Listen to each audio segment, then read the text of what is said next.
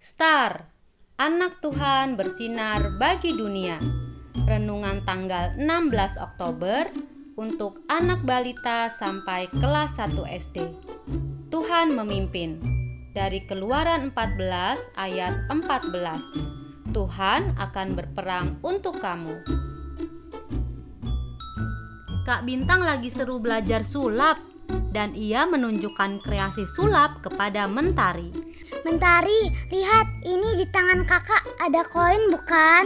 Kak Bintang bisa memindahkan koin ini ke rambut Mentari loh. Ah, tidak mungkin. Eh, lihat dulu nih. Tada! Koin pun sudah pindah ke kepala Mentari. Mentari takjub dan ia meminta Kak Bintang untuk melakukan sulap yang lain. Coba Mentari tebak warna biru dan kuning ini kalau dicampur menjadi warna apa ya? Merah. Ah, bukan. Ini lihat ya. Hijau. Kok bisa begitu, Kak? Ajaib. Kalau yang ini namanya ilmu sains Mentari. Lihat Kak Bintang sudah belajar ikut buku panduan sains ini.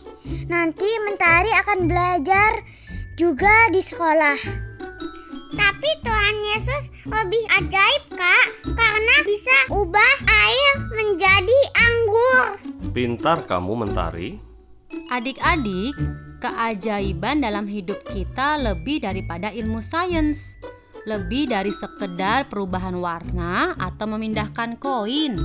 Selama kita hidup di dalam pimpinan Tuhan dan mengikuti buku panduan kita yaitu Alkitab, maka hidup kita akan penuh dengan keajaiban. Mari kita berdoa.